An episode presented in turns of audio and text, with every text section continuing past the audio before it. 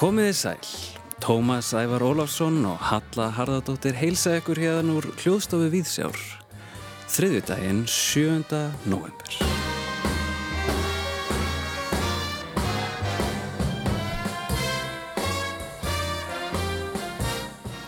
Sonny Lester og hans stóra burleskband opna þáttin í dag en það verður við á líkamlegum og jafnvel gróteskum nótum í þætti dagsins. Það verður burlesk, arkitektúr skinnfærana og mannakjött á bóðstólnum. Já, Mannakjött nefnist ljóðabók sem nýverið kom út eftir Magnús Jokkum Pálsson. Þessi bók skoðar fyrirbærið kjött frá hinnum ímsu hliðum þá sérstaklega neyslu mannsins á því sem áða til að enginnast af fyrringu og blætisvæðingu. Í Mannakjötti lýsa ljóðin fæðingu og slátrun dýra samtliða uppvexti og þroska manneskunar sem á afþreyingar fyrir nútíma mannsins og þau myrku örlög sem býða hans ef við höldum áfram að hjakka í viðjum vanans og högum ekki seglum eftir sífælt aflmeiri vindum. Allir líkamar eiga rétt á sér og allir eiga rétt á að taka sér plás og allir eiga rétt á því að upplifa sig sexy. Þetta segir Torfið Þór Runólfsson, höfundur nýrar heimildamindar um burlesk-senuna á Íslandi. Myndin kallast Hristur og fjadrafók og verður frumsýnd í Bíóparadís á fymtudag. Í myndinni stiga áhrifundur baksviðs og sjá hvað leynist á bakvið paljettu glamúrin en höfundurinn fylgir einum skærustu stjörnum senunar eftir þeim Margreti Erlu Mokk, Gogo Star og Bobby Michelle við ræðum við Torfaþór í þætti dagsins. Og Hildegunur Sveristóttir, arkitekt, fjallar í pisli sínum í dag um líkama og arkitektur. Hvernig við sem líkamar, vitrænar verur, skínverur og kínverur verðum til í rými. Í því samhengi fjallar hún um finska arkitektin Juhani Palasma og hugsanir hans um arkitektur skínfærana sjö. Já, en við hefjum þáttinn á því að kynast burlesk sem oft hefur verið kallaður listræn striptans en er vist eitthvað miklu miklu meira.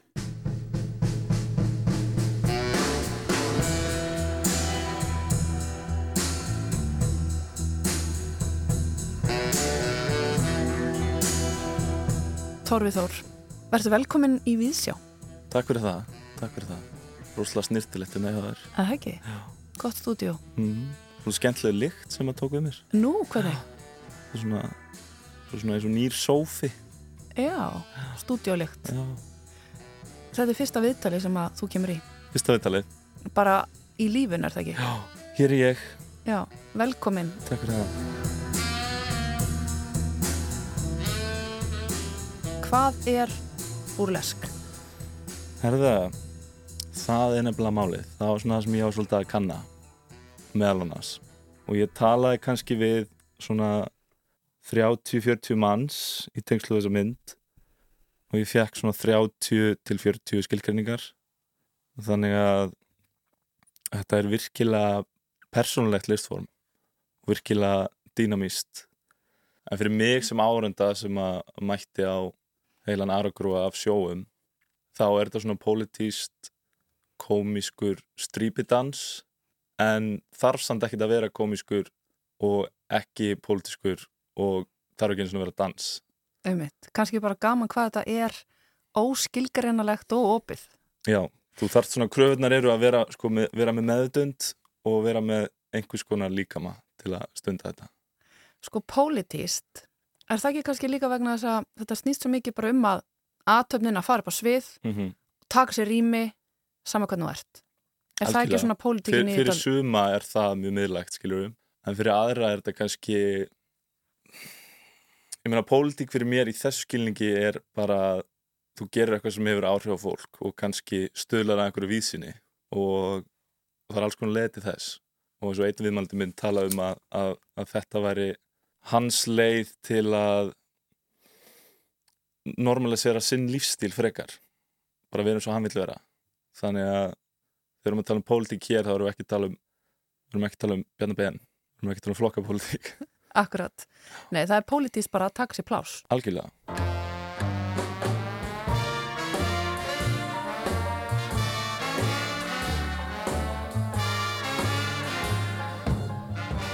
Hvernig fjálst þú fyrir þessu form, listformi? Manstu eftir fyrsta, fyrstu síningu sem þú fórst á? Já, ég sem sagt Roberta Michelle Hall hún er sem sagt einn af aðalpersonum og ég var að vinna með henni hjá Reykjavík borg og hún var alltaf að segja mér þessar sögur eitthvað af þessum kvöldum og hún er sérst með húlar, húlarring það er svona hækjan hennar og ég, ég gati ekki alveg séð þetta fyrir mér sko svo hún sagði mér bara að, að kíkja og þetta var svona sjó í þjóðleikus kjallaranum sem að er úkslega gildi slaðið að þetta sé í kjallaranum og þetta er svo mikið jáðlist og það er svona smá eins og maður sé að gera eitthvað ólulegt með það að vera þarna. En hérna og já, ég bara eins og allir sem voru hann inni ég bara gafti og, og hló og, og hérna og grétt af gleði. Það snerti við þér. algjörlega, ég meina þetta er líka bara eitthvað sem maður ég meina maður getur stundum týnt sér í hverstafleikunum og þá er svo geggjað að upplega eitthvað sem að brýtur það alveg upp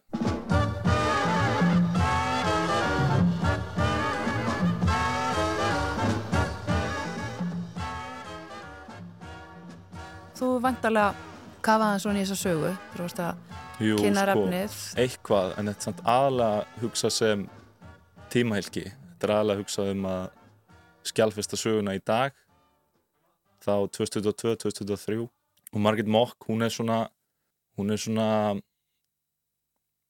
hún er aðal hún er aðal í þessu sko. Hún driffjöðurinn í þessar hún er senu. driffjörin, hún er braut, brautriðandi og hérna svolítið komið þessu hingað frá New York í sinni nútíma mynd fyrir einhverju 15 árum.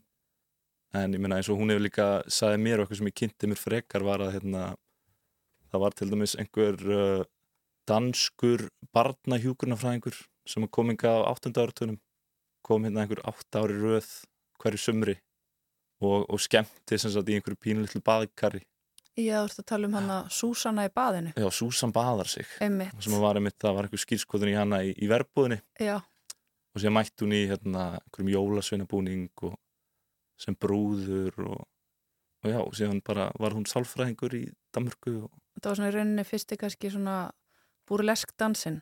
Já, á Íslandi. En ég meina, ég held að þú getur alveg rekið þetta aftur til Fort Grikja eins og allt skilur En hver er munurinn á strippdansi og búrlesk? Spyrja sig örgulega margir.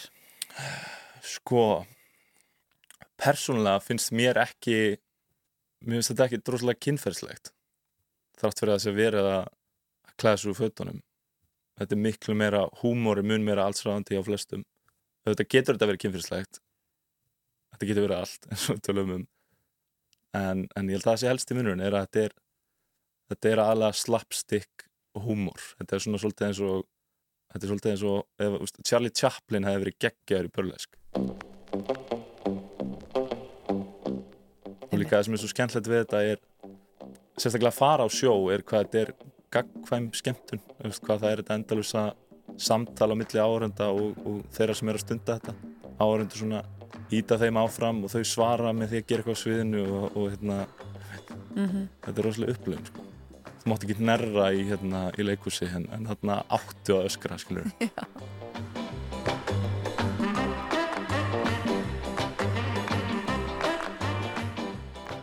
Hvenar ákast að gera heimildamind um þessa senu? Eða Hver, og hver er svona þín leiða heimildamindinni? sko, ég held ég sé bara svona típiskur strákur sem að vissi ekki alveg hvað hann ætlaði að gera sko.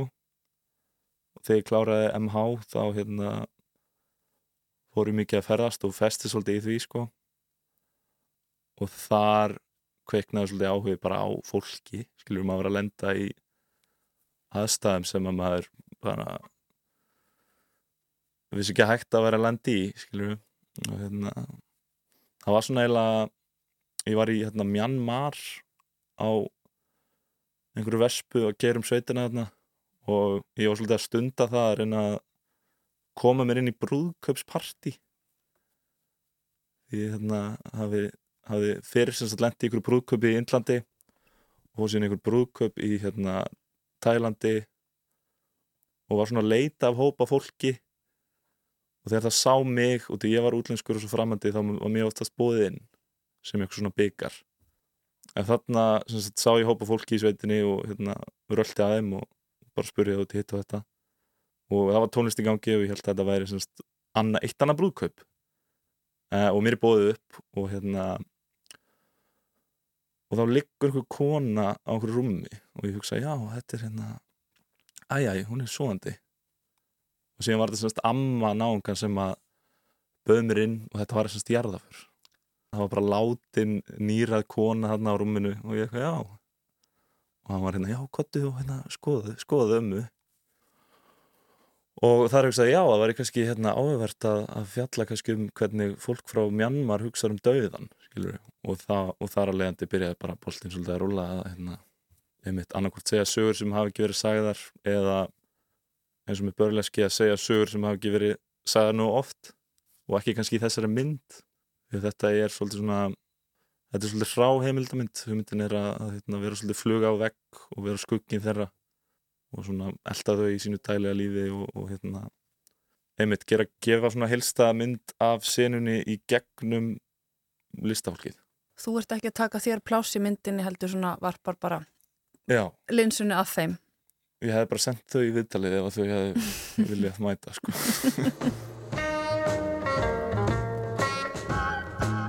Segðu mér þá aðeins frá þessu fólki. Þú fylgir, þetta er rauninni svona e, þrjár af stjörnum þessar senu mm -hmm, hér í, í bænum. mm -hmm.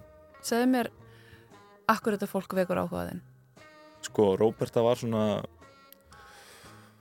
hún var svona gatekeeper minn í þetta samfélag hún, var, hún held á liklunum sem að kom mér inn og hún sker svolítið úr út að hún er sko einmitt menn húlaring sem er svolítið uník og hún er líka bara mest í gleðipinni sem ég kynst þannig að það er mjög auðvelt að, að beina myndalina að henni sko.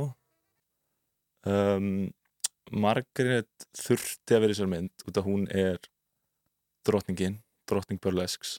Og það skipti ekki máli hvernig ég talaði við þau höfðu allir, nefndu allir hana eða allir höfðu farið á námskeiði á henni. Já, og GóGó var fyrir valinu vegna þess að uh, ég, vildi, ég vildi hafa eitt kallmann líka um, og svona sína þess frá hans sjónrótni um, hann er einnig svona mjög rýsandi stjarnar og hann hérna, var mitt fjallkonan fyrir þessu ári og, og hérna, er bara á leiðin til tunglsins.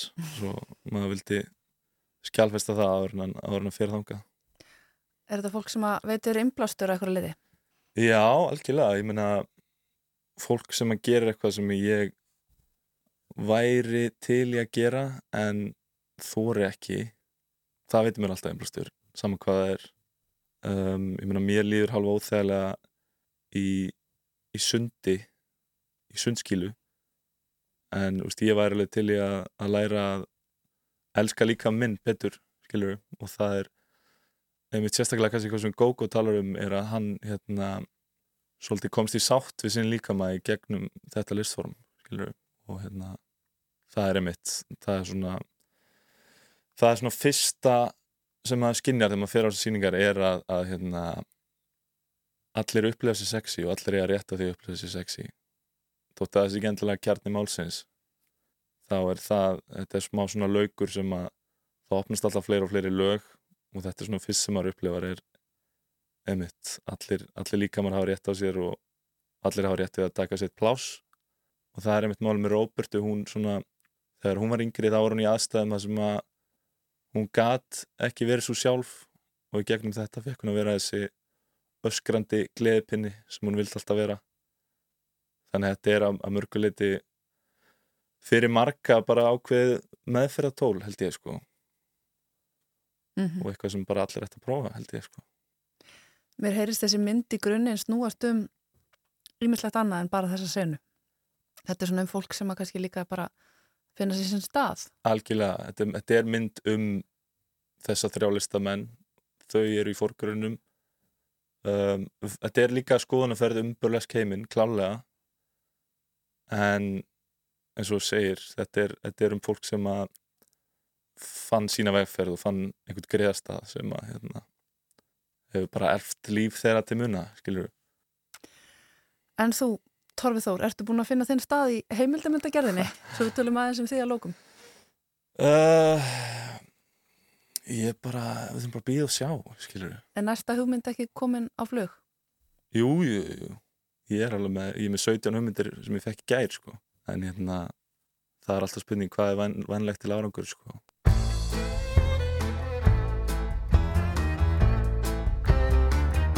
Show a little more, show a little less, add a little smoke. Welcome to burlesque. Everything you dream of, but never can possess. Nothing's what it seems. Welcome to burlesque. Oh,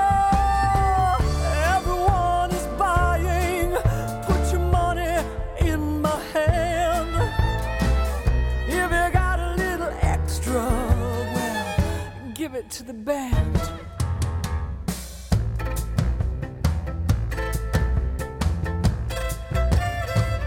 You may not be guilty, but you're ready to confess. Tell me what you need. Welcome to burlesque. You can dream of cocoa, do it at your risk. Triplets grant you mercy, but not your every wish. Yes, it keeps you guessing. So cool and statuesque. Behave yourself, says Georgia. Welcome to burlesque.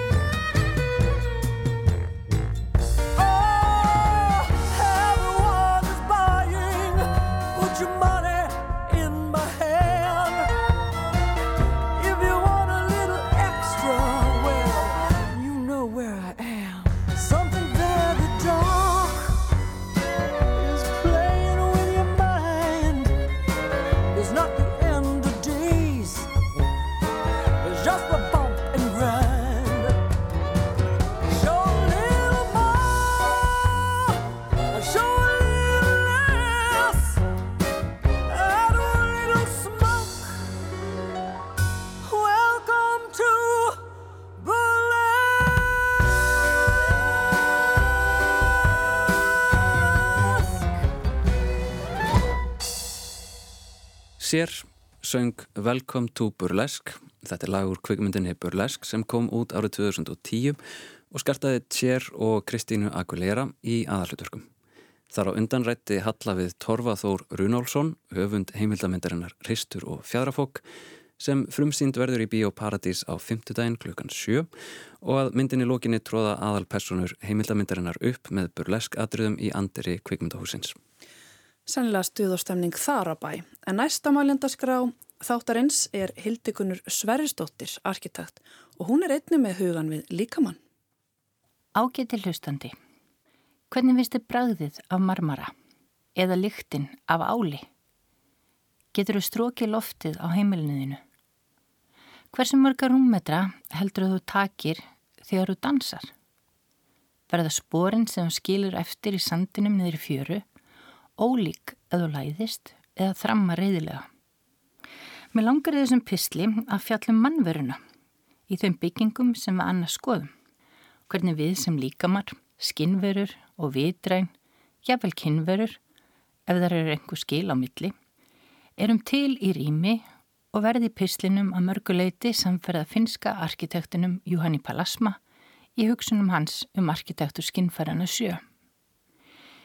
Fæst okkar hafa sannilega upplifað algjört rýmisleysi að standa ekki á neinu í tómi, að ekkert treyfist, ekkert líði, ekkert breytist. Að sjálfsögðu er ekki óhugsandi að þessi upplifun hafi komið til okkar í draumi, leiðslu eða vímu, á andlegu ferðalagi með eða án hjálpar utan að komandi efna. Í raunheimum er alltaf rými í kringum okkur, alltaf einhvers konar afmörkun í náttúrunni sjálfri og þingdaraflið sogur okkur alltaf nýður á einhvers konar undirlag. Maðurinn sem skeppna hefur ákveðna stærð, sem þó er reyndar nokkuð breytileg í sjálfu sér. Hollenski karlar mælast hæstir að meðaltali kringum 182 cm og lagstu konur er á austur-asísku eiginni Tímur Leste að meðaltali kringum 125 cm. Meðal karlmaður heimsins í dag er í kringum 174 og meðal konan í heiminum er 162 cm. Meðal manneskjan í heiminum í dag er því 168 cm og tekur um 50 cm í breytt með höndum. Þessi hlutföll hafa áhrif á það hvernig manneskjan upplifir rými, hvernig hún ferðast í því. Augun er að meðaltali í cirka 150 cm hæð og sjá þaðan yfir umhverju sitt. Manneskjan hefur framhlið og baklið og augun á framhliðinni nema aðeins um 180 gráður í kringum sig. Það hefur auðvitað áhrif á getu manneskunar til að taka einn umhverfið sitt og ferðast um það af öryggi. En manneskjan er alls konar og þótt meðal manneskjan standi upprétta 168 cm þá eru önnur sem hafa önnur hlutvöll og aðra hæð. Börn upplifa heiminn frá öðru sjónarhortni en þeir fullornu, standa í auknæð við aðra hluti eftir aldri og taka inn frá sínum eigin forsendum. Það sama á við um þau sem af mismunandi ástæðum er í annars konar stærð og stellingum en meðalmanneskjan, eru bundin í hjólastól eða rúm, ferðast um í eigin takti eða eru í kyrstuðu. Og hlutfellin skipta máli. Þegar að rými fylgja hlutfellum líkamanns verðist hæðin hærri gotneskir bogar í kirkjum skjóta okkur beina leið upp til Guðs. Og rými í öðrum hlutföllum, bílastæðahús til dæmis, þóttu væri í sömu hæð og fyrirnemd rými, finnst okkur þau gertan þrýst okkur niður. Öllegu takt, rétt eins og náttúran að öðru leiti, eru innbyggðir í okkur margitaktar, augljóslega hjarslátturinn, en líka svefnhjólin okkar, sem gerðnan tengjast út í geim og í snúningi jarðar um sér sjálfa og tíðæringu hvenna sem tengist beint í takt heimintunglana. Þegar við reyfum okkur og dansum byrtist að einhverju leiti okkar innri taktur sem výbrar í gegnum okkar alls konar líkama, styrða sem mjúka, æfða sem óæfða, í fótum, í höndum eða höfði, með hjálpatækjum eða ekki og kynna okkur innra ástand, lamandi feimni, eða löðrandi kynorku. Og þá er gungutakturinn afgjörnandi áhrif á það hvernig við tökum inn umhverju okkar og sátaktur breytist bæði með aldri og innra ástandi. Við uppgöðum heiminn nýfætt spriklandi vöggunni og eftir því sem barni verður eldra hættir að sér í lengri ratíus, fyrst millir herbyggja, svo til garð og öðlast meira sjálfstæði eftir því sem lengra er haldið Gangandi fyrsta daginn sjálft í skólan er sjálfstæði sigur og með tímanum aukvita barnið sin eigin takt sem fylgir því út lífið og tekur breytingum eftir lífsins tröskuldum. Gungutaktur okkar endur spekla kannski ástand okkar í lífsins ferðalagi. Móti líkama á efnis hefur auðvitað gríðarlega áhrif. Flughálir flísalaðir ingangar að vetralagi breyta sannlega gungutakti fólks. Þægileg gödulögn gefur frelsi til að einbeta sér að umhverfinu. Byggingar hafa áhrif, sé gengið með langri tilbreytingalösri hlið, gungum við hraðar og fókusum gerna fram. Sé gödumyndin spennandi og markbreytileg, höfum við tilneingu til að ganga hægar, vafra jafnvel og taka inn það sem fyrir augu ber eins og danski arkitektin Jál Gil hefur bent á. Rýmismútun og arkitektur geta einni hindrað eðlilega hreyfingu fólks. Þröskuldar, einsleit og endurtekinn rými fyrir þá sem áttaði sig ítla, jafnvel eitthvað eins og gangstéttarkantar, geta orðið óyfirstíganleir. Tröppur án liftu, fullkomin útilókun frá rýmisupplöfun og þáttöku. Slíkur er máttur arkitektúrs og skipilags þegar allt kemur til alls. Sjónræn upplöfun manneskunar á umhverju sinu markast af sjónarhortni og fjarlæðaskyni innri útreikningum á afstöðu og staðsetningu. En upplifun manneskunar á rými byggist líka á öðrum skinnfærum en sjóninni. Þóttu við í vestrænum heimi höfum samkvæmt finska arkitektunum Júhanni Palasma gert sjónina að drottningu skinnfærana. Í umleitun okkar við að mæla og meta, reikna og skipilegja. Það að flýja sjóninum stund, til dæmis á myrkraveitingastað, er mögnuð upplifun að sitja í fullkonu myrkri og missa sjónina, til að vega og meta umhverfi veldur óryggi. Hvar er ég? Hverjir eru hérna? Hvað er að gerast? Þegar líka minn hefur vanist þessari óvæntu skjönun er sannlega hrært upp í skinnkerfinu og það verður svo litið eins og önnur vitt opnist. Vitt þar sem borðsiði hverfa og samtali við borðið leiðist fylgja út í aðra hluti en venjulega sem vilja byrtast í þessari nýju vitt. Eirun okkar, hljóðlúðrætnir, taka líka einn upplýsingar um umhverju sitt og formgjara þess. Hljóð kastast fram og tilbaka eftir sínilegum hornum og hraða og við metum fjarlæðir og lengdir, efni og afstöðu. Í eirunum búa einleika sem tengjast í apvæinu og sem byggja á þessum upplýsingum.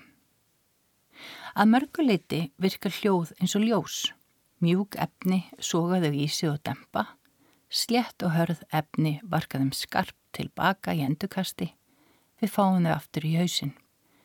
Við heyrum því í efnum og rými, við heyrum munin að ganga í snjó eða á flísum, við heyrum í töktum og upplaust, hinnu viðtekna og hinn óvinnilega. Og það kemur kannski óvart, en eins og Palasma bendir á, þá er júbrað af marmara og lykt af stáli. Kannski svo dauf að við náum ekki nefnana, járnið hefur kannski sterkara brað og viðurinn dýpri ilm. Ástandum kurvisins getum við að mörguleiti numið í gegnum þefskinnið, ilmurinn af nýlökkuðum glukkum eða nýskúruðu golfi, Egin lykt hvers heimilis þegar við komum þar einn sem gestir en heimamenn finna ekki. Samblanda hefðum og holdlegri lykt, matarsýðum, hreinlæti og loftum, súr lyktin úr óloftaðri íbúð reykingamanns, megn tilbúin lykt úr ilmkertum, lykt af bókum, lykt af rótnandi óvögviðum pottaplöntum eða yfirþyrmandi lykt af liljum. Lykt af óhreinsuðu klósetti lykt af nýströðum þvotti, lykt af reiki, lykt af fötum, lykt af fólki. Öll þessi lykt gefur okkur upplýsingar um lipnað og vennjur, um hættur eða hörnun og tælandi ilmur býður okkur í annars konar stemningu, kannski annars konar heima.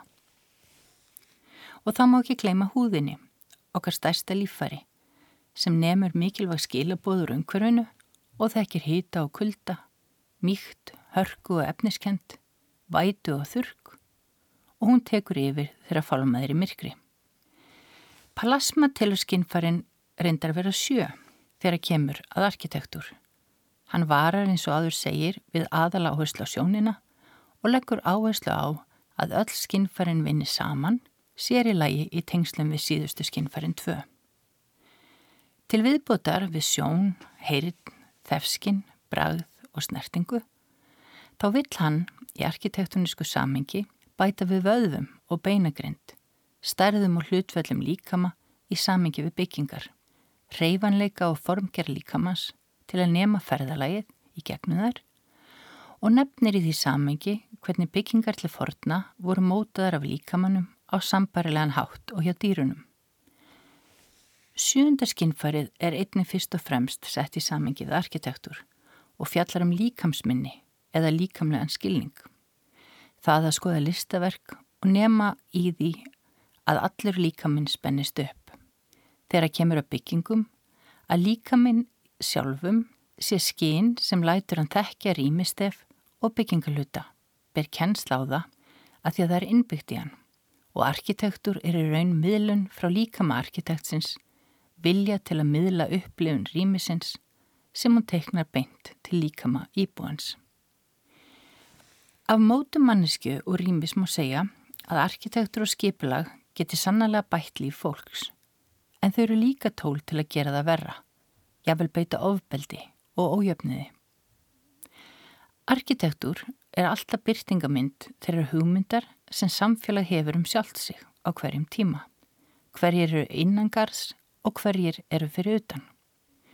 Viðurkenning á breyðara rófi mannslíkamanns og sambílis hans við aðra líkama er vonandi til vittnis um aukna meðvitund samfélagsins og þar með arkitektúrs, hvort sem um er að ræða öðruvísi fjölskylduform eða róf þarfa í byggingum og umhverfi. Ég vil endur með að endur taka tilvittnun í arkitektin Tatjunni Pilbá þar sem við skoðum hvernig við, að einhverju leiti á sama en að einhverju leiti á ólíkan hátt, nefnum byggingar og rými. Og hún segir, það eru mannréttindi að búa í rými sem hendar manneskinu vel. Hildigunnur Sverrisdóttir fjallaði hér um hvernig við sem líkamar verðum til í rými, reyfaði þarna hugmyndir frá Joanni Pallasma um arkitektur skinnfærarna sjö meðal annars. Og við ætlum að halda áfram að hugsa um líkamann. Manna kjött nefnist ný ljóðabók eftir Magnús Jokkum Pálsson, bók sem fjallar um kjött í ólíkum myndum og samband manneskunar við það. Mannakjöld hlaut í vor nýrækta styrk miðstöðar íslenskra bókmynda og sagði þar í umsögn bókmynda ráðgjafa. Mannakjöld er heilsteift og úthugsuð ljóðabók sem vekur lesandan til umhugsunar um dökkar hliðar mannkinsins og hvernig kunna fara fyrir jörðinni breyti mannfólkið ekki hegðun sinni. Á frumlegan hátt yrkir höfundur um manneskjuna, græðki hennar, fíkn og neistlu en einnig um ringrás lífsins, fjölskylduna og allskilins fórnir jamt af fólki og dýrum. Óvendar myndir, forvitnilegar vísanir og skemmtilegu leikur að orðum og formi magna áhrif ljóðana.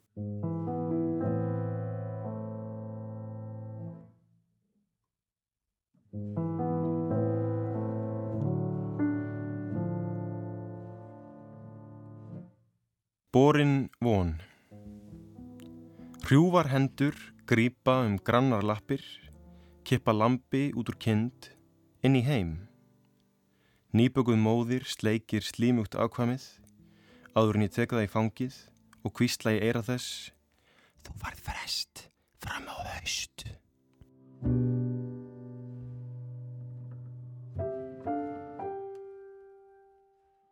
Magnús Jokkum Pálsson, einilega velkomin í Viðsjá. Takk fyrir það. Við vorum hér að heyra ljóður ljóðabókinni Mannakjött sem þú sendir frá því núna á dögunum. Þetta er konsept ljóðabók, eða svona heild, en líka eitthvað skonar kannski ljóðasaga. Erstu til að segja mér aðeins kannski frá bara tilurð verksins til að byrja með? Já, það er svolítið skemmtilegt hérna, ég gasi þetta frá mér út svona örsagnarsapn sem heit Óbært ástand árið 2018 Mm. Og hérna hefur verið skrifað gennum tíðina.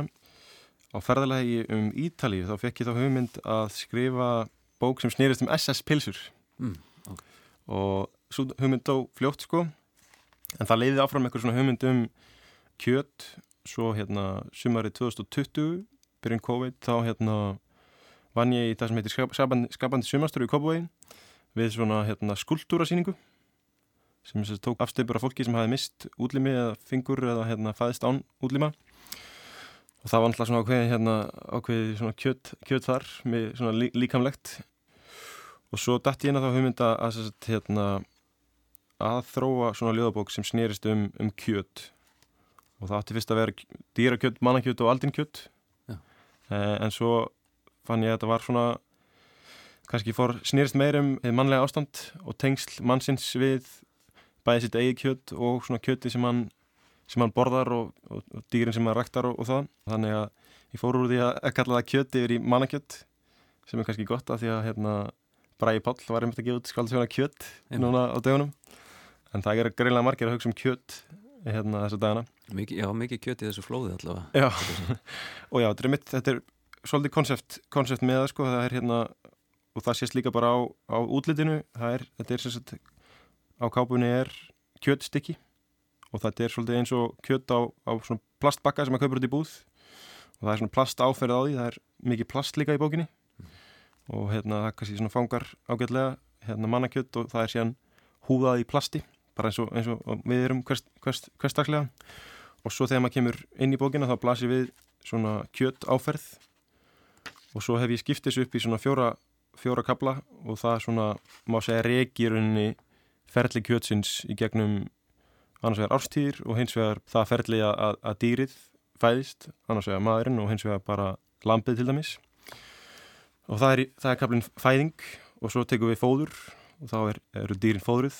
Svo tekum við fórnir, slátrun og loks endar allt saman í, í frosti.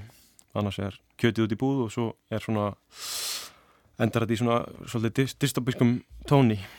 Allt endar í frosti Skulum kannski koma þess að því á eftir en um, Mér langaði að fórhundast aðeins um ferlið. Um, þú einmitt ákveður hugmyndina svolítið fyrst og, uh, og uh, mér svona heyrist eins og, ljóðin hafi síðan komið. Fannst þér, fannst þér vesen að einhvern veginn skrifa eftir svona uh, yfir lýsingu Já, það er svolítið, það er svolítið hamlandi sko.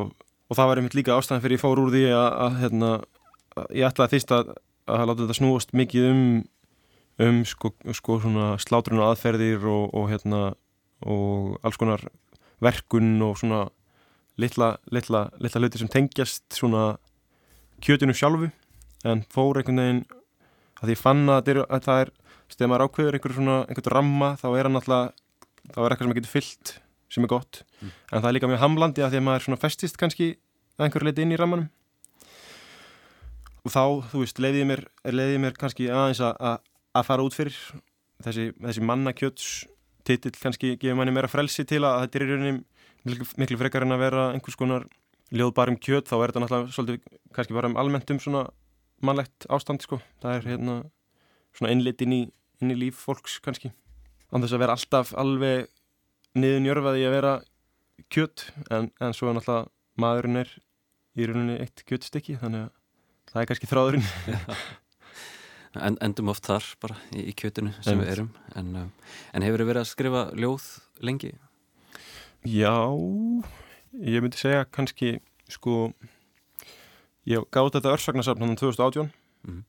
og það er náttúrulega mjög stutt á milli hérna svona prósa örprósa og prósa ljóða og, og það verður oft svolítið ljóðrænt, svona stutti prósar og jafnvel yfir í ljóð sko það má alveg segja að einhverju textar þar hafi verið ljóð og svo og svo strax árið, árið eftir 2019 þá í rauninni komum fram fyrstu ljóðin sem að ég hugsa að séu 2-3 ljóð í þessari bók sem eru frá, frá því ári sko, þannig að, jú, 2019 það er fjögur ár.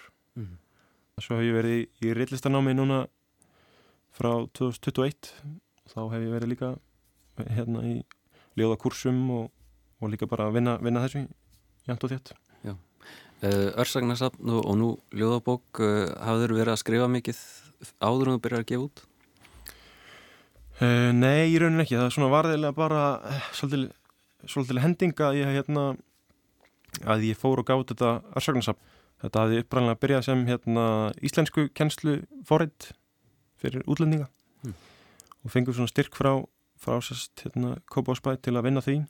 Svo einhvern veginn datt það upp fyrir og það var svona einhvern veginn ákveðin einstaklingar hættu í, í því forriði og, og, hérna, og ég var einhvern veginn endað einn eftir og gatt samið við, þetta var sérst í gegnum skapandi sumarstörf, gatt samið við hérna e, forðamenn um að, um að ég fengi að, að skrifa ofram þó að vera ekki undir fórmerkjum forritsins og þá var til í rauninni þetta, þetta örsvagnarsafn Mm. e, fyrir það hafði maður náttúrulega bara ég var þá ný útskrifaður úr mennskóla, maður hafði kannski svona aðeins bara lesið mikið og kannski gælt aðeins við þessa tilöksun sko að skrifa, en það var ekkit, ekkit svona ekkert að viti þannig séð sko.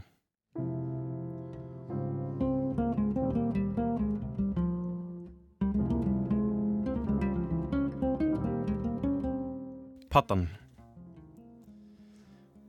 Þegar við hjónin fáum nóg sendum við barnið í pöttuna Meðutundin sloknar barnið gleipir tunguna augasteinar hverfa aftur í hnakka Út úr blámanum skriða örsmáar pöttur Mítlar, lirfur, ormar og lís sem streyma einum öll op, nasir, eyru og munn, en aðalega augtóftunar.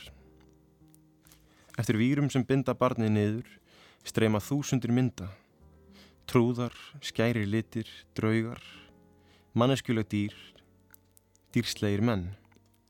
Pöttunar verpa eggjum í heila barnsins sem byrjar að ákalla þær daglega. Fáðu það ekki skamtinn sinn fyrir barnið í frákvörf frá blikkandi byrtunni.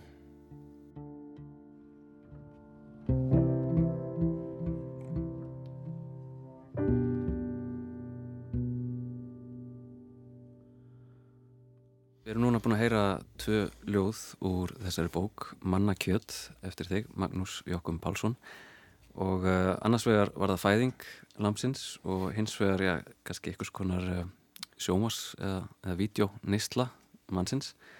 Um, Þessi bók er svolítil neyslusaga einmitt og fæðingin helst kannski svolítið í hendur við það að því að kjötið er þemað. En uh, hún er sögð einmitt frá þessum ólíku sjónarhornum sem svona hverfast um kjötið en kemur einhvern veginn við eh, svolítið nútímanum til dæmis í svona flótamannaströmmnum verksmiði búskap, lofslagsbreytingum og svo er þannig kannski í að eitthvað svona heimsenda sín um, og þetta er allt bundið í ljóð og uh, hvers vegna viluru ljóðið fyrir þetta, þessi stóru og flóknu málefni? Sko, það er þetta einhvern veginn að svona koncentrera ákveðin kraft niður í ljóðið svo stutt og, og hnittmiðað. Maður getur náttúrulega farið að skrifa einhvers konar smásugur eða, eða skaldsugur. En það er þetta náttúrulega að taka, takast á einhvern veginn miklu meira, meira magn. Eh, ég hugsa að það hefur bara einhvern veginn, einhvern veginn komið til mín sko þessar fyrstu, þessi fyrstu ljóð og með, af því að þetta er svona stutt og, og hérna, þú hefur ákveðna ljóðurinu líka, þá hérna eru svo að ná ég aðeins meiri slagkrafti held ég. Ég hef líka aðeins verið að skrifa smásugur.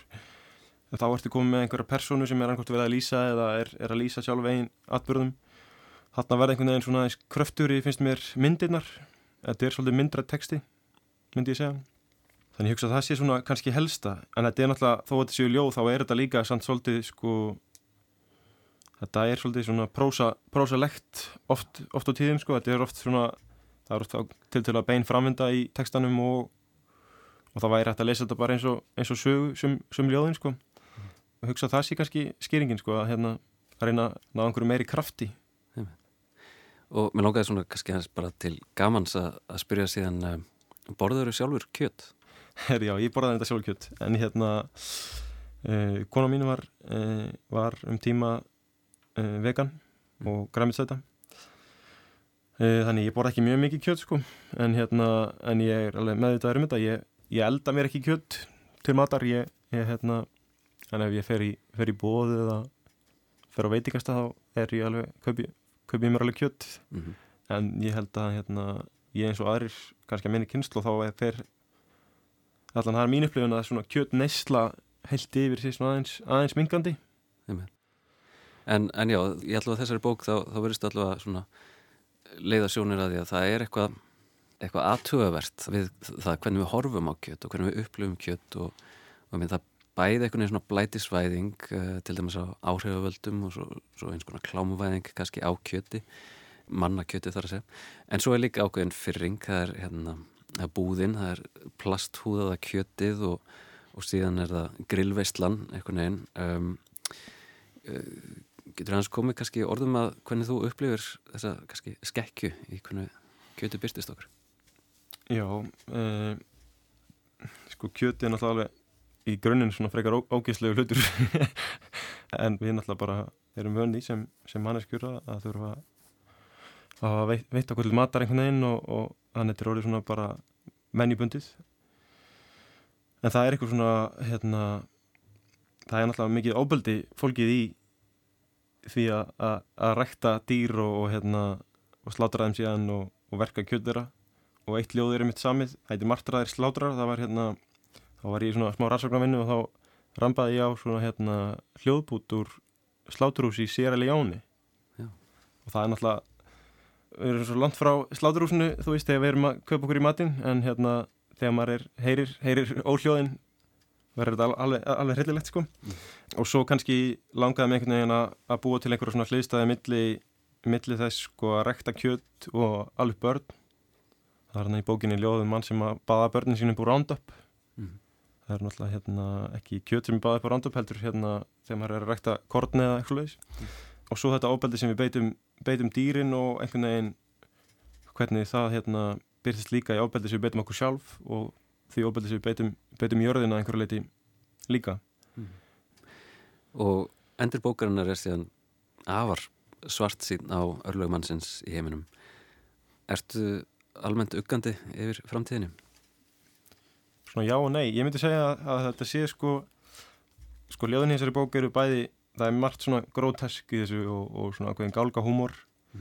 En ég myndi segja að það veri mikil, mikil fegur líka og svona von. Það er alveg fullt af svona tiltölulega hugljófum ljóðum hann líka innan milli. Að ég held að það þurfa, þurfa að blanda saman. Getur ekki bara getur ekki bara að skrifa um hrylling. Og ég held að það sé líka og mér finnst um bókin enda á svona tiltöla þó hún endi svona í ákveðinu svartnæti þá er svona ljós ljós venda gangsins. Ég er sjálfur hérna bladamæður og það er svo mikil holskefla af, af hryllingi sem skellur á manni og maður svona býr til ákveðina skil utan um sig þannig að maður svona og verður svona, hvað við segja, svona cynikal um um allt í rauninni. En sko, ég er ekki beint uggandi, ég einhvern veginn er svona þetta lítur ekki vel út, maður einhvern veginn sér stöðugar einhvern veginn frettir um, um heitamett og, og svo er þú veist náttúrulega það náttúrulega alltaf verið að dýrnur alltaf okkur frettir af einhverjum hræðilegum atbyrðum en, en hérna en minnst þetta ekki líta sérstaklega vel út sko hérna framtíðin en, en ég er samt mjög vongóðu maður sko, ég er bjartýtt meðan við erum ennþá, ennþá hérna mannfólki þá hlutum við geta að redda þessu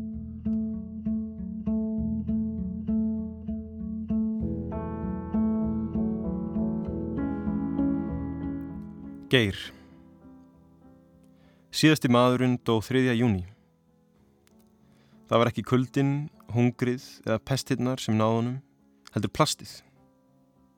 Hann fann gamla kókumjólk í rústunum en var of ákafur. Rörið skreið niður í kók, litaðan, bláan og hvítan. Hann laðist niður í sandin, lág einn og yfirgefin. Það til dag einn, að gegnum rörið, upp kúpuna, út um aðra augtoftina, skreið skriðsólein. Hún veitt honum félagskap í einverunni.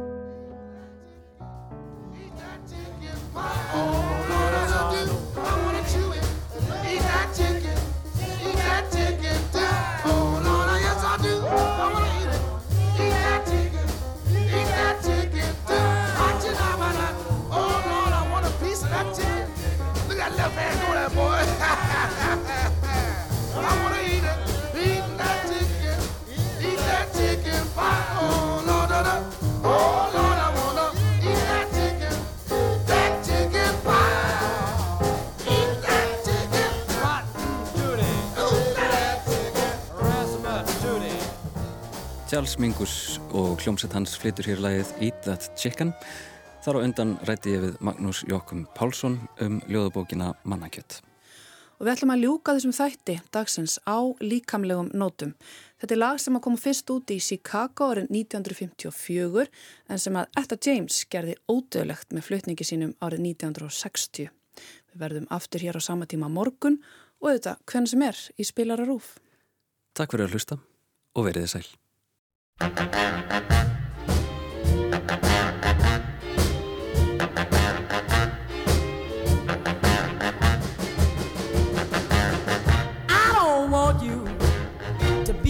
Slave. I don't want you to work all day. But I want you to be true.